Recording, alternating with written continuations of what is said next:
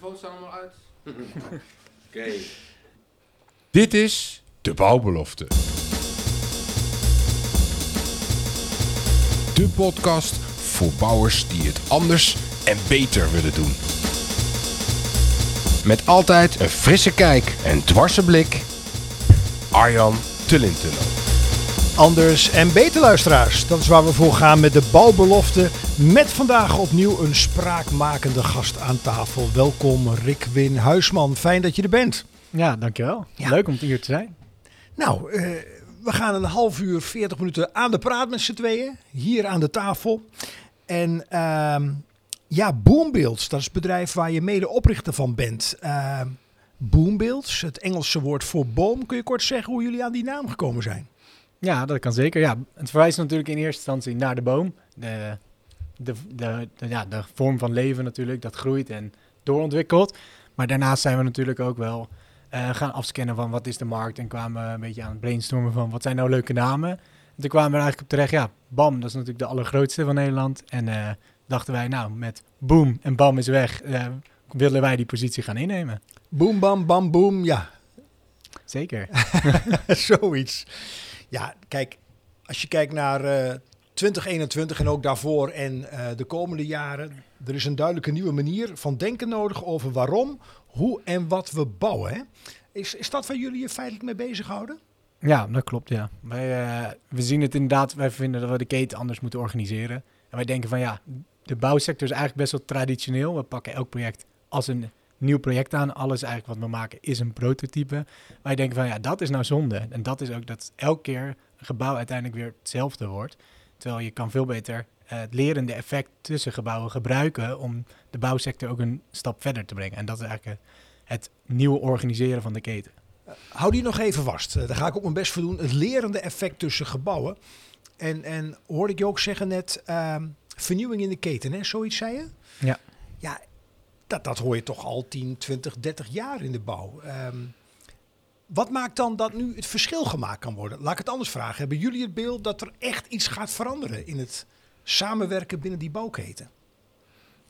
Nou, ik ben natuurlijk nog vrij jong, maar ik ben het met je eens dat het, eh, dat er, dat is niet dat de bouwsector stil heeft gestaan. Hè. We zijn al natuurlijk al 30 jaar bezig met veranderen. Alleen wij hebben een manier doorontwikkeld waar wij denken van, dit is voor ons wel echt een, eh, een nieuwe manier van organiseren. Waar je niet in, in die zin van eh, een project start met een idee en dan gaan we een architect erbij halen, ingenieurs. En aan het eind van de, het verhaal komt de, de bouwer in zicht. Eh, naar, naar de volgende fase waar we al veel meer in een bouwteam werken zeggen wij van, nou ja, wij gaan eigenlijk nog meer naar langetermijn samenwerkingen en leggen we daar ook echt een model onder, waardoor het voor iedereen een win-win situatie creëert, met, de, met alle neuzen dezelfde kant op, in plaats van proberen een nieuwe samenwerking op te starten, maar wel dat iedereen op de oude manier blijft verdienen, eh, zorgt eigenlijk dat er toch niet alles verandert. En dat zie je ook wel vanuit mijn studie, wat ik gestudeerd heb in Delft, zie je eigenlijk voor echt hoe heet het, een systematische verandering moet je op meerdere niveaus moet je het veranderen en kan je niet zeggen we veranderen alleen de techniek of alleen de organisatie of alleen de mensen die eraan werken. Dat, je moet het eigenlijk alle drie doen. Nou, voldoende eh, eh, food for thought in ieder geval voor deze eh, bouwbelofte.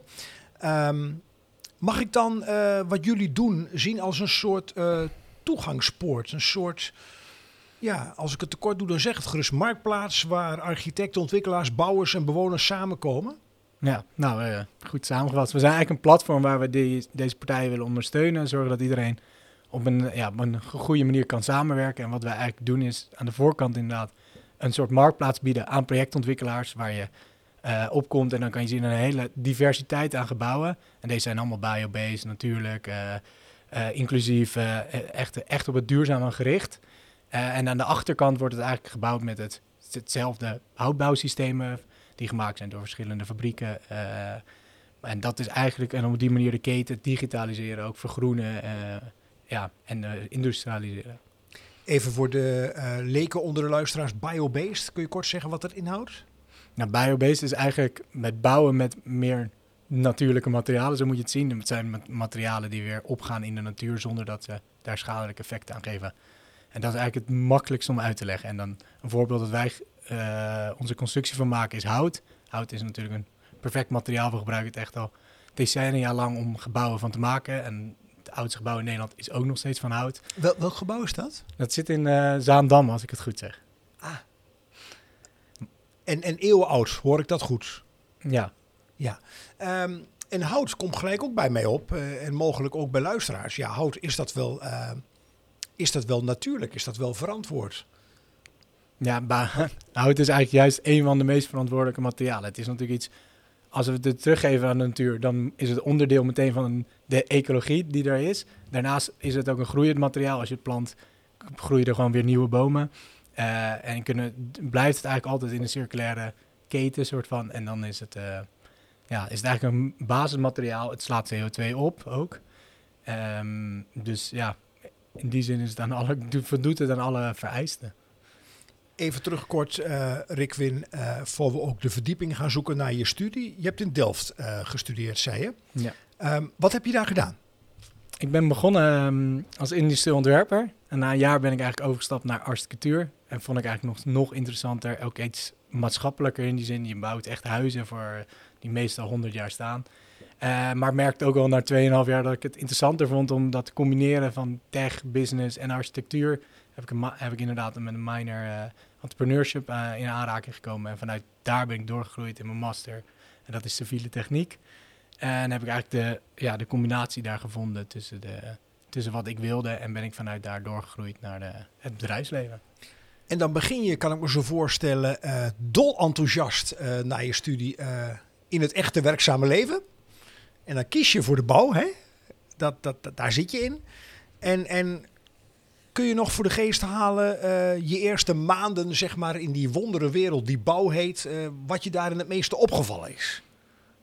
Ja, dat Zonder dat je je enthousiasme verliest. Ja, ik moet, ik moet meteen een beetje lachen eigenlijk. Maar ehm, nee, mijn eerste werk was eh, vanuit een soort innovatieconsultant... waar je in twee jaar heel veel bedrijven ging zien ook, maar vooral in de bouwsector. Dus ik heb van, van een ingenieursbureau tot een aannemer tot een woningcorporatie eigenlijk alles wel gezien. Ehm, maar wat me het meest opviel... Ja, je denkt altijd wel dat je op de universiteit alles heel slecht geregeld is. Maar in het bedrijfsleven ga je ervan uit, iedereen is heel professioneel en alles gaat geautomatiseerd en gedigitaliseerd en supersnel. Dat viel, dat viel me eigenlijk het meest op, waar je heel erg, van een, bijvoorbeeld bij een ingenieursbureau zag je heel erg van, nou je verwacht dat iedereen in BIM werkt en dat het allemaal aan elkaar gekoppeld is. Was het van, nee, we gaan een BIM-model, daar halen we weer een, een 2D-tekening uit op PDF en dan gaat de ingenieurs gaat met een stift op een, op een ja, eh, via Adobe en dan natuurlijk via de PDF Creator gaan ze met een soort stift gaan ze lijnen trekken om te kijken of het wel voldoet aan een daglicht. En dan sta ik echt te kijken wanneer ik van de universiteit kom. Wat is dit? Waar slaat dit op? En dat is eigenlijk ook de motivatie geweest van, nou ja, nu ik wil het anders doen en we gaan, ehm, we gaan het zelf doen. Ik kan me voorstellen, dus, dus eigenlijk kom je dan eh, vanuit de universitaire wereld in een eh, opnieuw analoge wereld, mag ik het zo zeggen? Ja. En ehm, ja, dan, dan, dan wil je daar veranderingen in aanbrengen. En dan kan ik me voorstellen dat je wel eens tegen een muur aanloopt of een muurtje. Ja. Lees oud denken versus nieuw denken. Ja, nou ja, wat je eigenlijk wel heel erg merkt is van de, vaak zijn de ideeën van start-ups, van bedrijven, van groot, klein, zijn eigenlijk altijd wel goed. Maar je merkt dat het juist de randvoorwaarden zijn, waar, randvoorwaarden zijn die je tegenhouden. En dat is of manier van financieren, het risico wat er omheen hangt, maar ook regelgeving, eh, gewoon een gebrek aan capaciteit, eh, kennis. Dat, dat soort dingetjes zijn juist vaak, zijn vaak de reden waarom dingen niet doorgaan of niet lukken. En het is niet vaak het idee zelf. En het idee zelf vormt wel naar een idee dat gaat werken. En, en, en wat maakt dan dat, dat jullie gedachten omtrent anders bouwen? Zo mag ik het eigenlijk wel zien. Hè? En bouwen is dan heel breed, van ontwerp tot oplevering met alle stappen daartussenin. Hè? Ehm, hoe krijg je dan jullie gedachtegoed wel over de bühne? Want ik kan me voorstellen dat juist vanuit het analoge denken, als ik je goed beluister, ja, je echt nog wel wat weerstand hebt te overwinnen links en rechts. Mm, Ja, ik zou je vraag nog iets meer kunnen toelichten. Nou, ik, ik, ik reageer op basis van wat je zegt. Ehm, als ik je hoor zeggen, ingenieursbureaus die nog eh, met PDF werken en met eh, gele en roze en blauwe RCR-stiften, eh, kan ik me nog herinneren, eh, ik gebruik ze zelf nog wel eens, Mm. aan het kleuren zijn. Ja, en je wil, eh, je wil aantallen halen, je wil volumes halen, ja, dat dat elkaar in de weg staat. Ja, nou, ik denk dat inderdaad de basis voor, voor verandering is wel digitalisering. En nieuwe manieren van samenwerken, maar ook anders kijken naar hoe we producten eigenlijk opbouwen of gebouwen. Eigenlijk ontwerpen, produceren. Ja, dat klopt, ja. En je- digitalisering is daar wel belangrijk bij. ja. En, en, en, en jullie zijn al eh, bezig met een project eh, in Amersfoort, hè? Eh, Common Woods.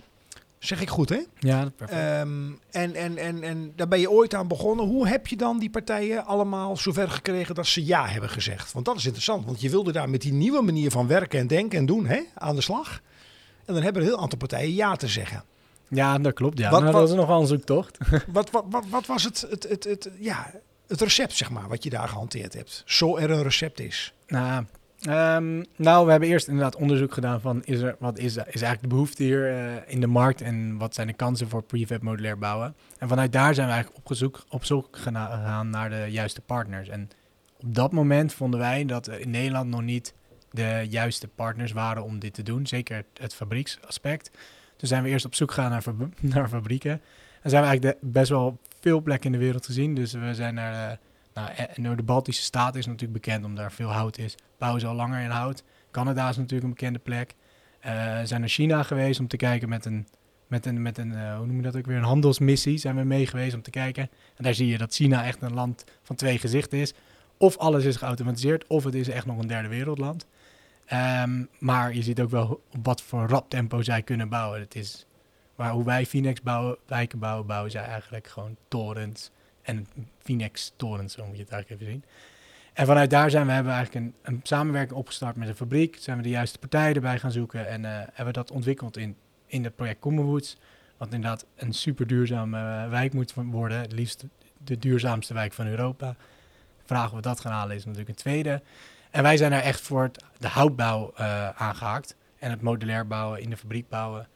Ehm, ja, en daar, in, in dat project, je moet ook gewoon maar gaan doen en leren. En ehm, we zijn nu op een fase waar we dat veel meer kunnen gaan delen, ook met anderen. Ja, en kun je dan schetsen, eh, kort schetsen, Rick Win. eh, ik probeer het praktisch te maken. Hè? Ja. Je hebt een idee, een plan. Nou, dan heb je te maken met allerlei actoren, allerlei partijen. Mhm. Een gemeente bijvoorbeeld, eh, een projectontwikkelaar mogelijk, een bouwer, een architect. Ga ze maar door. Ja. Ehm, waren ze gelijk vanaf het begin, stonden ze gelijk op de tafels te dansen van wauw, dit is gaaf, hier gaan we aan meewerken.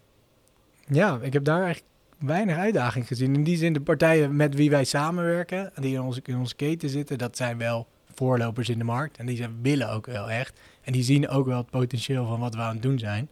Eh, dus ik, ja, ik heb daar niet de grootste uitdaging gezien. De uitdaging zit veel meer in het, de, de ambitie die je gezamenlijk uitspreekt ook eh, haalbaar te maken. En dat je ziet van, er zijn nu bijvoorbeeld externe factoren als houtbouw, m, houtbouw eh, prijsstijgingen door corona. Maar dat zit niet alleen op de hout, het zit eigenlijk op alle materialen. Eh, dat soort uitdagingen zijn nog, ja, vind ik, veel lastiger. Eh, zeker omdat je er ook twee jaar aan gewerkt hebt en dan opeens door zo'n factor is, het, is al je werk soort van, kan je weer een deel opnieuw gaan doen. Dat, dat vind ik veel grotere uitdaging. En toch nog even terug naar het begin, als dat mag. Ehm, dus je hebt eh, verschillende partijen die zeggen: wauw, dat gaan we doen. Maar dan heb je ook nog te maken met overheid in de meest brede zin. Van bouwbesluit tot milieu, eh, ga zo maar door. Ehm, in welke mate eh, heeft dat goed gewerkt? Ja, dat ben ik wel met je eens.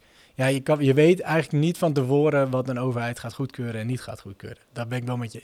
Dat is wel een uitdaging. Omdat het compleet anders en nieuw is. Ja, Vandaar dus- mijn vraag. Wij importeren bijvoorbeeld nu de woningen uit Estland. Nou, dat geeft al zo'n dynamiek van hoe gaan we dat met de keuringen doen? Waar komen de materialen vandaan? Hoe zitten de COMO-keurwerken erop? Nou, ga, ga maar zo door. En dan ben je op een gegeven moment ben je gewoon in je begroting gewoon allemaal postjes aan het opnemen, stelpostjes. Te kijken van, hé, hey, oké, dit weten we niet zeker, dit weten we niet zeker, dat weten we niet zeker. Die, die keurmerk kunnen we niet toetsen. Hoe zit het met de brandveiligheid van de materialen? Ehm, een risicofactor van de leverancier, omdat hij de Nederlandse markt niet kent. Dat soort dingen, dat, dat stapelt zich op. En dan wordt het inderdaad, zeker in zo'n eerste project, wordt dat wel een uitdaging. En, dan, eh en de, de gemeente is natuurlijk altijd wel van wat jij zegt, van ja, lever maar in als je de vergunning inlevert. Eh, dat is het. En je wil graag dat ze aan de voorkant meedenken. Zeker bij zo'n innovatie is dat super belangrijk. En, en hoe ging dat in de praktijk? Nou, Met name die voorkant.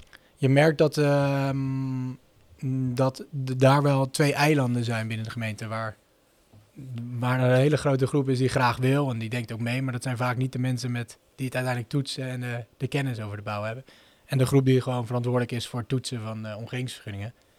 Eh, nou, de ene groep krijg je heel makkelijk mee, en de andere groep is een stuk uitdagender, omdat die, die hebben al gewoon te veel werk te doen in de hele, in de, ja, hoe de, in de hele, ja, hoe noem je dat, zeg je dat? In de hele... eh, Besluitvorming is het hele proces. Zoals ja, dat het hele proces en de is. aantal aanvragen wat er natuurlijk nu zijn, dat is, ja, dus ze zitten gewoon helemaal vol. Dus dan is het, kijk, kan je ze ook niet echt kwalijk nemen, je denkt gewoon, ja, het is zo en eh, daar, je hebt ermee te dealen. Kijk, sommige dingen kan je veranderen en sommige dingen moet je mee om, moet je mee dealen. Ja, is dat zo? Want dat willen we ook graag in de podcast blootleggen. Eh, iedereen kent, eh, dat wordt goed geframed, eh, de woningopgave. Hè? De komende acht jaar een woningtekort van zo'n 75.000 woningen per jaar. Maar daar heb je niet alleen de handjes voor nodig, ehm, maar regelgeving ehm, is ook een wezenlijke. Dus in welke mate zien jullie dan dat ehm, de overheid roept er moet meer gebouwd worden, hè? waar je ook komt. Mhm. Maar door jullie bril bekeken, faciliteert die overheid dan ook voldoende dat er gebouwd kan worden? Lees in tempo. Ja, ik begrijp heel goed wat je doet. De tempo is natuurlijk, kijk, daar zit uitdaging. Er is weinig vertrouwen in de markt. En eh, daardoor, zit dat dan daar zijn, daardoor zijn processen heel stroperig en het duurt lang en er is wantrouwen. Dus je moet, al- moet alles tot in de puntjes moet je onderbouwen. Terwijl, eh, dus daar gaat het eigenlijk om in. We moeten een nieuwe vertrouwensband opbouwen met de overheid. We moeten het proces anders inrichten op andere momenten. Eh, en dat is iets waar we aan werken. Maar ik moet je eerlijk zeggen, wij zijn er zelf ook nog niet uit hoe we dat precies moeten doen. We hebben ook genoeg uitdagingen intern. Ehm, maar ik ben het wel met je eens, dat moet, moet anders. Dat duurt nu veel te lang. Het- je bent zo een jaar of twee, drie bezig met bestemmingsplanwijziging. eh voordat je überhaupt kan bouwen. Ja, dat duurt lang. Er zijn te weinig plekken natuurlijk waar je kan bouwen. En stel dan, Rick Win, eh, kijk, het mooie eh, van de bouwbeloftes ook. In het woord belofte ligt ook besloten dat je een vergezicht mag schetsen. Hè? Even niet denkend in beperkingen. Stel dat er geen enkele beperking zou zijn. En jij zou ehm, mee mogen denken over hoe de overheid, en ik praat niet specifiek over gemeentelijke overheid, maar in algemene zin, gelijk op kan trekken met alle innovaties, ontwikkelingen en de wil om te bouwen. Mhm. Wat zou jij dan, eh, eh, wat zou jij dan doen? Wat zou jij Vanuit de rol als overheid? vanuit de, vanuit de rol als overheid, stel dat, dat, dat, dat jij dat zou mogen bepalen. Met een aantal knappe koppen. Dat je zegt, nou, we willen het mogelijk maken dat die bouwketen tempo kan maken. Ja, ik denk dat het eigenlijk begint bij de basis. En dat is gewoon, de, de gemeentes hebben de capaciteit gewoon niet om het nu te doen. Al, met alle goede wil van de wereld lukt het ze niet.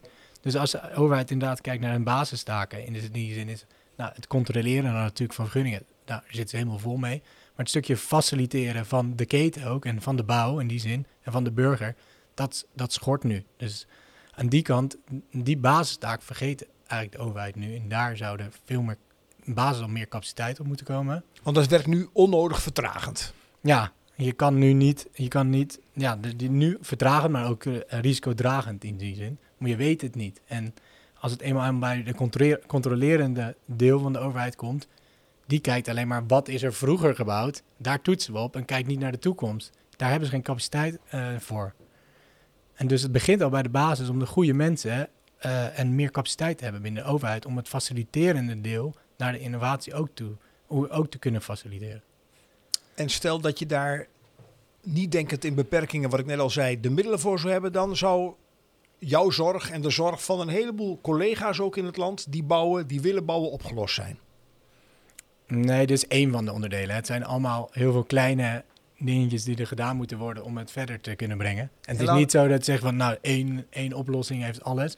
Nee, en da- En, daarnaast en wat is dan het tweede onderdeel? Als we, als, we, als we hem eens afpellen, wat zijn de drie belangrijkste issues in jouw optiek? Ehm, nou, dat vind ik een belangrijk onderdeel vanuit de overheid. Eh, het andere is natuurlijk gewoon grondlocaties. Eh, en dat is belangrijk. En het beleid in die zin van wat gaan we dan doen, wat gaan we er ook bouwen. Dat het ook echt iets, iets toevoegt aan de, maatschappij aan zich. En niet alleen maar dat we worden valken vallen om weer hele grote Phoenixwijken neer te gaan zetten die eigenlijk niet zoveel bijdragen. En mag ik dan ook meenemen, Rick? Dan- Ik denk ook naar bij wat je zegt. eh, ik bedoel, wat ik ga zeggen, constaterend. Ehm, lagere overheden hebben ook steeds meer problemen om hun financiële boekje op orde te krijgen. Dus grondverkoop is een aantrekkelijk verdienmodel.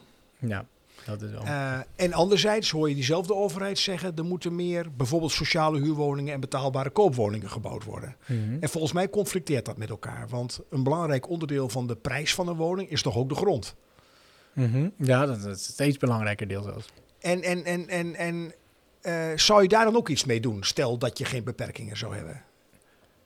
Ja, ik, pro- ik, pro- beetje- ik probeer het nog binnen het rationele te houden, maar in die zin, ja, kijk, tuurlijk, de overheid moet, ehm, wil heel veel dingen en we willen ook naar natuurlijk een veel duurzame manier van bouwen. Ehm, dat is eigenlijk ook een van de belangrijke speerpunten. Dus we bouwen in hout moeten we heel erg stimuleren. En we zouden ook moeten kijken van, ehm, als wij wijken maken die heel inclusief zijn of die eh, allemaal toegevoegde waarde hebben voor de omgeving. eh, uh, ook wat net ontlasten bijvoorbeeld. Daar zou de overheid natuurlijk kunnen kijken in een breder geheel naar van... hey, in dat wijk, met, met die ontwikkeling...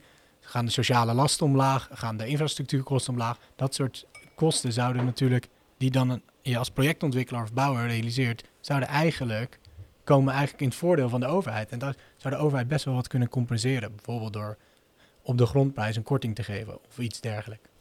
Dat is wel een interessante eh, denkrichting, eh Rick Win. Ehm, is daar nu al gehoor voor? Want dit is wel heel concreet, zoals je het nu zegt. Er zijn... er zijn ik, zie wat, ik zie wat Zie je twijfel. dat twijfel, ja.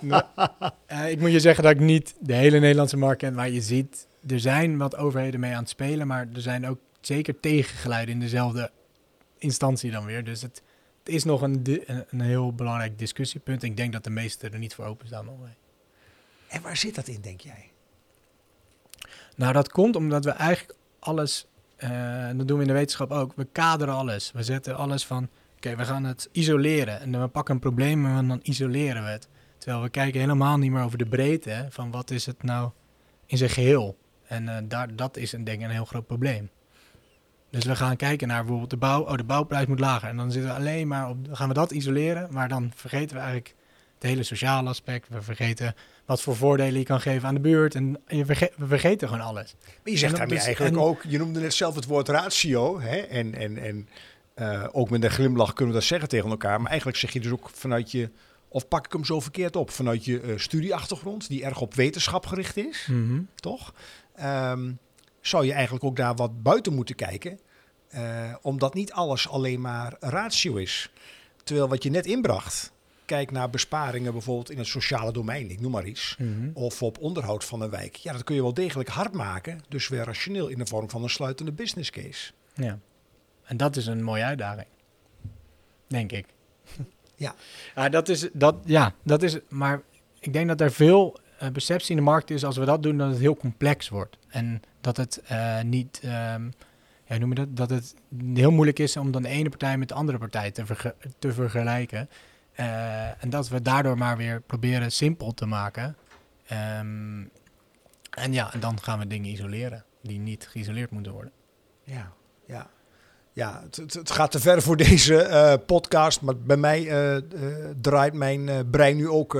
volgens mij kun je het namelijk wel inzichtelijk maken en vergelijkbaar Ja, maken. Kan ook, en daar zijn, zeker, zijn we ook zeker mee bezig. En partijen zijn ermee bezig. Alleen, we moeten ermee aan de slag. En het liefst iedereen natuurlijk. Dat is een vervolgstap. Een, een, een, een droom voor 2022 om dat meer te doen. Ja, we zijn zeker. We zijn, wij zijn ook met de Hogeschool van Utrecht bezig. Van, hey, kunnen we eh, vanuit de verschillende meetinstrumenten, maar ook wat er in de markt gebeurt, kunnen we kijken van, hey, we hebben een framework ontwikkeld waarmee wij kunnen zien van hoe kunnen we nou van duurzaamheid gaan naar restauratief, naar regeneratief.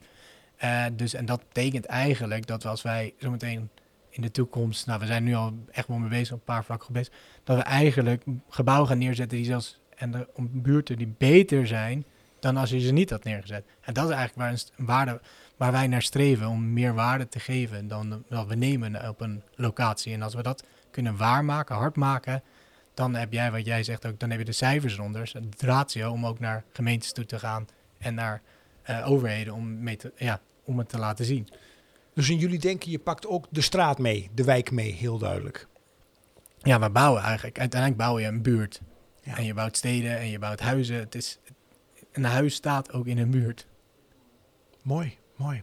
Ik heb hier eh, tien kaarten voor me liggen, Rikwin. En eh, ik weet de vragen ook niet, maar we zijn ook benieuwd naar eh, mogelijk wat andere denkrichtingen. Dus jij mag een nummer kiezen en dan lees ik de vraag voor en dan mag je daarop antwoorden. Nou, doe maar nummer vijf. Nummer vijf. Oké, nou dan gaan we eens kijken. Ja, ehm, welke dingen, en die mag je eh, zowel op je, op je privé-situatie betrekken als je werksituatie, kun jij moeilijk loslaten? Wow. Ehm, welke dingen kan ik moeilijk loslaten? Ja. Nou, goede vraag. Ten eerste, Ehm, welke dingen kan ik moeilijk loslaten? Ja, ik denk dat het toch wel, het eerste wat in me opkomt is wel vaak een beetje onrecht. Ik kan heel erg slecht tegen onrecht. Als ik voel dat iets oneerlijk is, dan, dan bijt ik me er helemaal in vast. En ehm, ja, dan wil ik ook wel, weet niet, dan laat het me echt niet los, nee. En Dus- waar, waar komt dat vandaan? Ja, zo. Nu wordt een psychologie bijna. Eh, nee, ja, dat is iets wat ik altijd heb gehad. En ik, ja, ik denk van ja, ik, ik wil graag gewoon werken op vertrouwen. En omdat ik met mensen eh, wil werken omdat ze professioneel zijn. En eh, dat je het ook gewoon naar je zin hebt. Dat is wel echt belangrijk. En als er in die zin alleen maar spanning is tussen partijen en tussen, ja, en dat, ja, dat, dat weet niet. Dat is niet mijn. Daar word eh, je niet blij van. word ik niet blij van. Ja, ja. Wel of geen ontbijt morgens? Ja, geen. Geen. Oké, Dat is, eh, nee, ja, ik ben geen fan van ontbijt. kijk. Het, is niet, eh, het heeft niks te maken met het intermittent fasting of zo, maar ik ben gewoon geen fan van ontbijt. Mooi, In mooi. het weekendje wel. Hebben we toch even eh, ook eh, een klein beetje in jouw, eh, een kijkje in jouw persoonlijke eh, keuken. Ehm, even terug naar Boombeelds. Hè? Jullie presenteren je als een beweging. Ja. Ja, en, en, en we mogen ook prikkelen hè, in een podcast. Ja, ik denk dan een beweging. eh, in de politiek zie je het ook. Ja, ik krijg er toch lichtelijke jeuk van. Ehm, dat zegt ook iets over mij, hè? Nee, ik eh, begrijp heel goed hoor. Join the wel. movement. eh, ja, maar mogelijk bedoelen jullie het anders. Wat kun je erbij vertellen? Nou, ehm, in die zin, wij werken vanuit een ecosysteem. En dat ecosysteem dat is eh, vanuit de architectenbureau, vanuit de ontwikkelaars, eh, vanuit de, de eh, hoe noem je dat? Vanuit de CPO. Dus het, nou, we hebben in die zin hebben we eigenlijk een heel partnernetwerk aan partijen. En elk is aan zich gewoon een eigen bedrijf, maar samen ben je natuurlijk veel sterker. en ben je een geheel in die zin. En dat netwerk, of dat ecosysteem, dat zijn we steeds meer aan het uitbreiden. En we zijn nu inderdaad ook met tien verschillende architectenbureaus weer aan het aanhaken. Dat die binnen de beweging komen eigenlijk.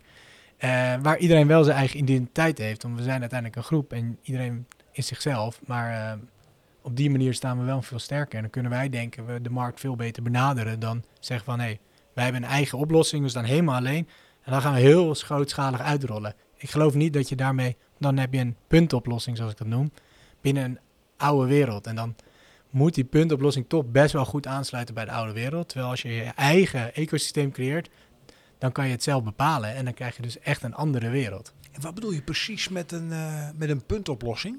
Een puntoplossing is dat je eigenlijk één deel, bijvoorbeeld één deel van de keten of één oplossing, daar ga je helemaal op focussen en dat is precies wat je doet. En dan, ehm, ja, moet, ja. Dan zie je de samenhang niet, mag ik het zo zien? Je kijkt niet naar het geheel, je kijkt gewoon van wij zijn, ehm, ja, hoe moet je dat nou zeggen? Wij maken bijvoorbeeld een gevelmateriaal en dat gevelmateriaal, dat is het enige wat we doen. Maar dat gevelmateriaal, dat zit, heeft toch connecties met het gebouw, heeft toch te maken met de bestaande wereld, het wordt te maken met hoe het aangekocht wordt, te maken met hoe samenwerking wordt eh, samenwerking zit met traditionele partijen.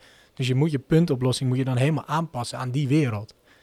En terwijl als je een beweging creëert, een ecosysteem, dan kan dan kan je samen bepalen wat de spelregels zijn en hoe je vooruit wil komen en hoe je wil samenwerken. Ehm, een nieuwe manier van aanbieden, een nieuwe manier van financiering. En dan kan je eigenlijk in de breedte kan je het helemaal veranderen. Sluit het aan bij zeg maar een drietal pijlers, hè? het open source platform. Is dat wat je daarmee bedoelt? Ja, het open, dat de, pla- het open source platform slaat er inderdaad op dat we inderdaad mensen, dat we zeker eh, partijen toelaten tot het hele ecosysteem. Eh, en dat we eigenlijk de onderliggende techniek, wat niet van ons is, eh, dat we die gewoon delen en dat we daar za- gezamenlijk willen leren. Ehm, dat klopt, ja. Gaat iedereen daar ook in mee die tot nu toe in dat platform meegaat?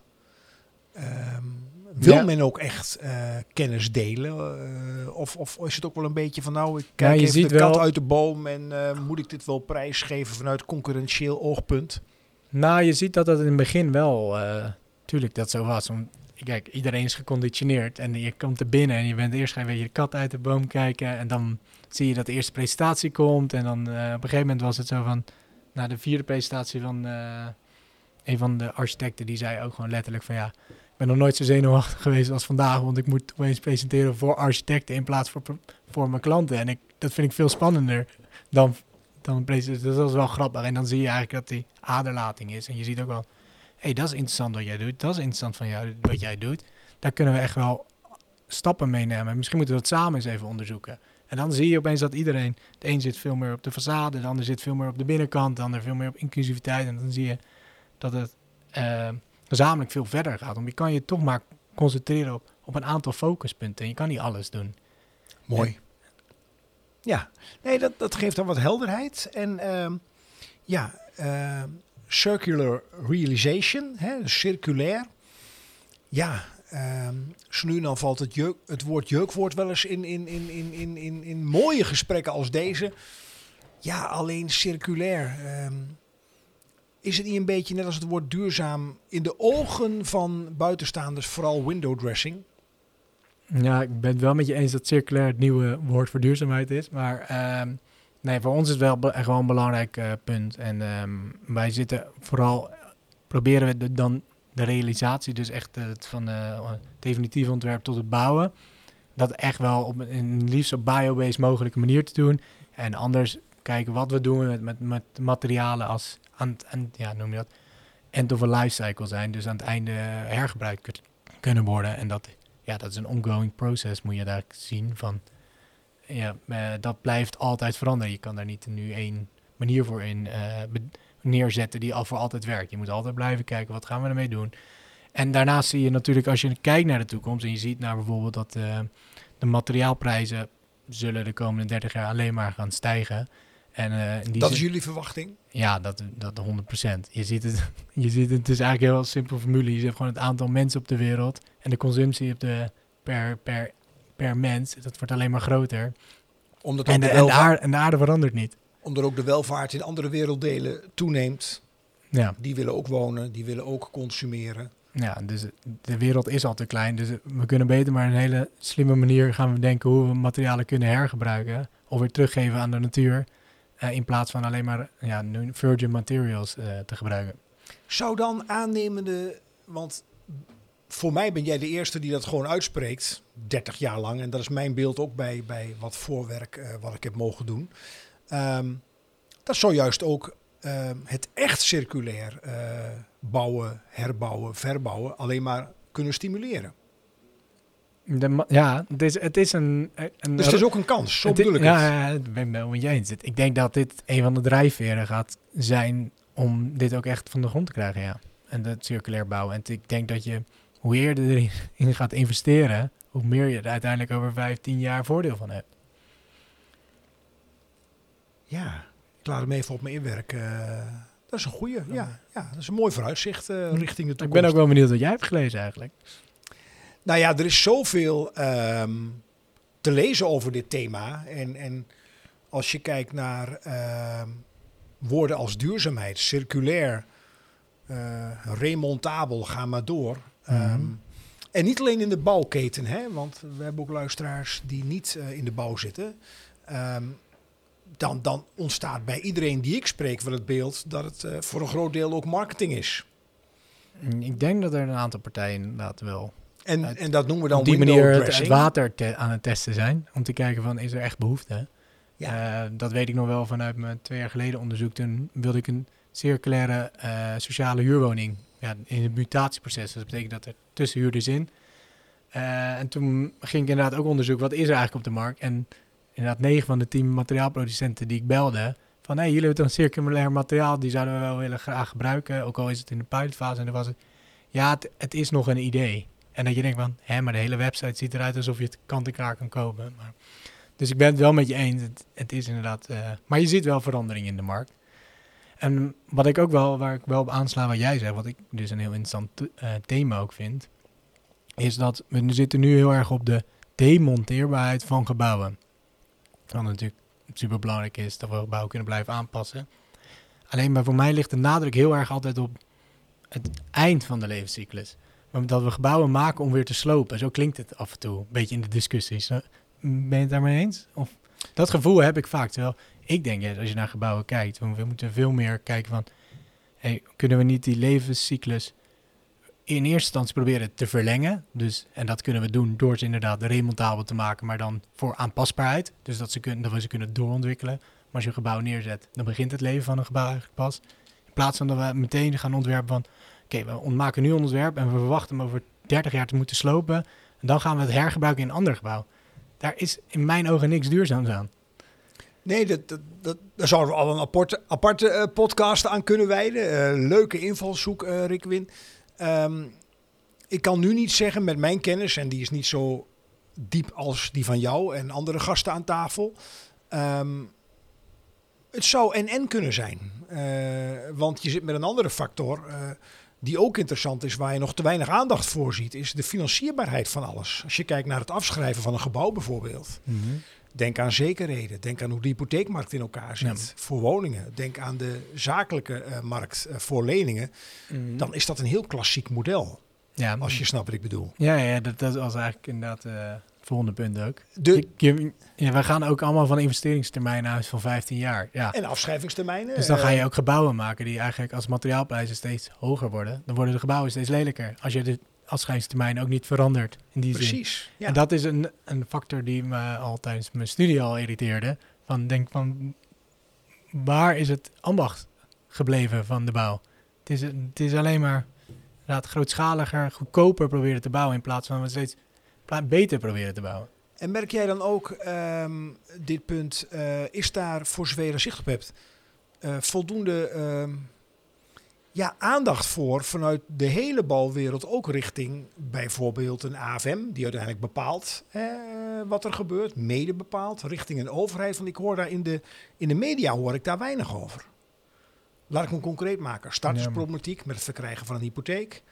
Uh, problematiek bij kleine ondernemers die anders behandeld worden als iemand in loondienst, nog steeds. Mm -hmm. Even los van de prijzen van woningen, hè? maar even dus de financierbaarheid, laat ik het anders zeggen. Jij bent ja. nu bezig met uh, je mensen om, om, om, om, en je partners om, om het echt anders te doen. Maar eigenlijk zou parallel moeten lopen een spoor. Hoe gaan we de financiering uh, anders inrichten? Want die is eigenlijk nog old school. Ja, dat, het, ja, dat is eigenlijk de basis van mijn verhaal. Van je, we kunnen wel de techniek veranderen, maar als we het systeem niet veranderen, andere onderdelen van het systeem, dan verandert er niks. Dan kun je niet opschalen, dan kun je geen tempo maken. Nee, want kijk, we hebben uiteindelijk heel veel systemen die we hebben, of technieken, die zijn geoptimaliseerd voor uh, um, hoe we nu bouwen. Kijk naar tunnelbekisting in die zin. Dat is gewoon super efficiënt. Uh, maar als wij niet een andere manier bijvoorbeeld CO2 gaan beprijzen, of een andere manier van samen of een andere manier van financieren, dan, dan komt de rest niet van de grond eigenlijk. En dan moet, moet je anders gaan doen. En dat ben ik wel met je eens. De financiering is super belangrijk om het anders te doen. Uh, wij, ja, we hebben zelf interne focusgroep ook om daarop om te kijken van, hey, kunnen we veel meer naar uh, lease services toe of kunnen we kijken van, hey, kunnen we uh, veel meer de eindconsument al meer laten mee gaan delen in, in het uh, investeren in die zin. Ja, hoe moeten we dat gaan inrichten? Dat is inderdaad voor ons een, een van de pijlers van het komende jaar ook, van hoe we dat willen gaan doen voorzichtig inschattende, voorzichtige inschatting van mijn kant, doe dat vooral, want daar is nog eigenlijk ja, bijna niemand mee bezig. In nee, ieder geval ruim onvoldoende. We hebben bijvoorbeeld een gebouw in, in Amsterdam, daar aan het ontwikkelen, dat is dan meer een kantoorgebouw. Daar zie je al van, en dan willen we bijvoorbeeld dingen leasen en dan krijg je het er al niet doorheen, omdat de verzekering het niet wil. En dat je denkt, dat, soort, dat zijn die randvoorwaarden, dat ik het in het begin ook over had, van ja, dan, dan is het eigenlijk technisch heel makkelijk haalbaar, financieel, financieel zelfs behaalbaar, maar dan gaat het op de verzekering bijvoorbeeld niet door, omdat of het gaat niet door op de, eh, ook op, misschien ook wel op de financiering in die zin, omdat ja, ja, van, wie, van wie is het gebouw uiteindelijk dan? Ja, ook daar zie je dus oude school versus nieuwe school, mag ik het zo zeggen. En dan zeg ik, creëer je eigen ecosysteem waarbinnen je dat probleem niet hebt. Ja. En dan dij dat uit. Ja. Even richting een, eh, een afronding, want de tijd die vliegt, Rikwin. Uh, ehm, het Pareto-principe. Eh, 20-80-regel, 80-20-regel daar werkt- werken jullie ook mee. Zeg ik dat goed? Ja, dat passen wij inderdaad toe. Wij zien inderdaad, nou, je, eigenlijk eh, zien wij dat je niet elke keer een gebouw als een prototype moet gaan maken. Dus wij zeggen van, en je kan je natuurlijk maar focussen op een bepaald deel van het ontwerpproces eh, of een bepaald deel van het ingenieringsproces, bouwproces. En dat kan je heel goed doen. Dus wij zeggen van, als je nou je focust op die 20%, dan kan je de meeste waarde leveren in die zin. Die 80% is toch over het algemeen standaard. Of je nou een plattegrond inderdaad 3,50 meter maakt, 3,76 meter, 76, ja, dat, dat maakt eigenlijk niet zoveel uit voor de, de waarde die je gaat toevoegen. En probeer nou te kijken wat je kan standaardiseren en wat je niet wil standaardiseren.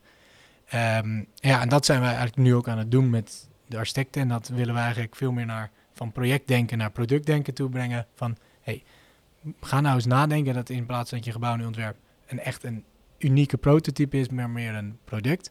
Ehm, en dan zie je, dat hebben we ook op eerder ervaring, dan zie je dat het naar de generatie 1 is inderdaad een mooi gebouw, maar dat is redelijk nog in de lijn met wat het altijd was. Maar generatie 3 of 4 is echt compleet anders. Dan ga je echt, echt grote verschillen zien met wat er traditioneel gebouwd gaat worden. En dat is waar we mee bezig zijn. Bedoelde je dat ook eh, in het begin van deze bouwbelofte, wat je vertelde over lerende gebouwen? Ja, dat is precies. Mooi, mooi.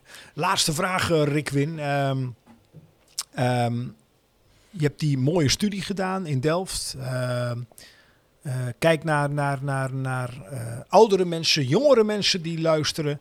Ehm, wat zou jij ehm, nou, de nieuwe lichting mensen, toch wel de nieuwe generatie mee willen geven als je kijkt naar het mooie vakgebied bouw?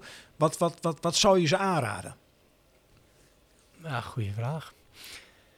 Ja, wat ik toch wel zou ik aanraden, ja. Nou, wat, wat langer tijd voor mij de, de consensus is geweest dat een, een bedrijf losstaat van de, eh, van de maatschappij en van de politieke ehm, situatie in die zin. Wat je nu wel merkt, en dat zie je zeker ook bij mensen van mijn leeftijd en zelfs jonger, zie je al van, ja, dat is niet meer zo. Je moet als bedrijf moet je een standpunt innemen. En dat, ik zou ook jonge mensen en ook oudere mensen aandoen. Kies een bedrijf dat wel een ziel heeft in die zin. En dat ook ergens voor staat en ergens voor gaat. En denk van, je werkt niet alleen voor het geld. Je werkt om de wereld elke dag een stap beter te maken. Dus kies voor een bedrijf met een ziel. Kies voor een bedrijf met een ziel. Dat is een mooie afronding, eh Rick Win, eh, van deze bouwbelofte. Ehm, ja, zit erop. Het muziekje hoor je al een beetje. Ehm, de bouwbelofte podcast is live opgenomen in Brasserie Guus in Zwolle. Met dank aan Rick Win Huisman van Boombeelds. Ontzettend veel succes eh, met alle plannen. En ook ideële gedachten, die hoor ik ook doorklinken. Dat is mooi. Hè? Volgens mij zijn jullie ook een bedrijf met een ziel. Hou dat vol. En ik sluit af met de bekende woorden. Tot de volgende bouwbelofte.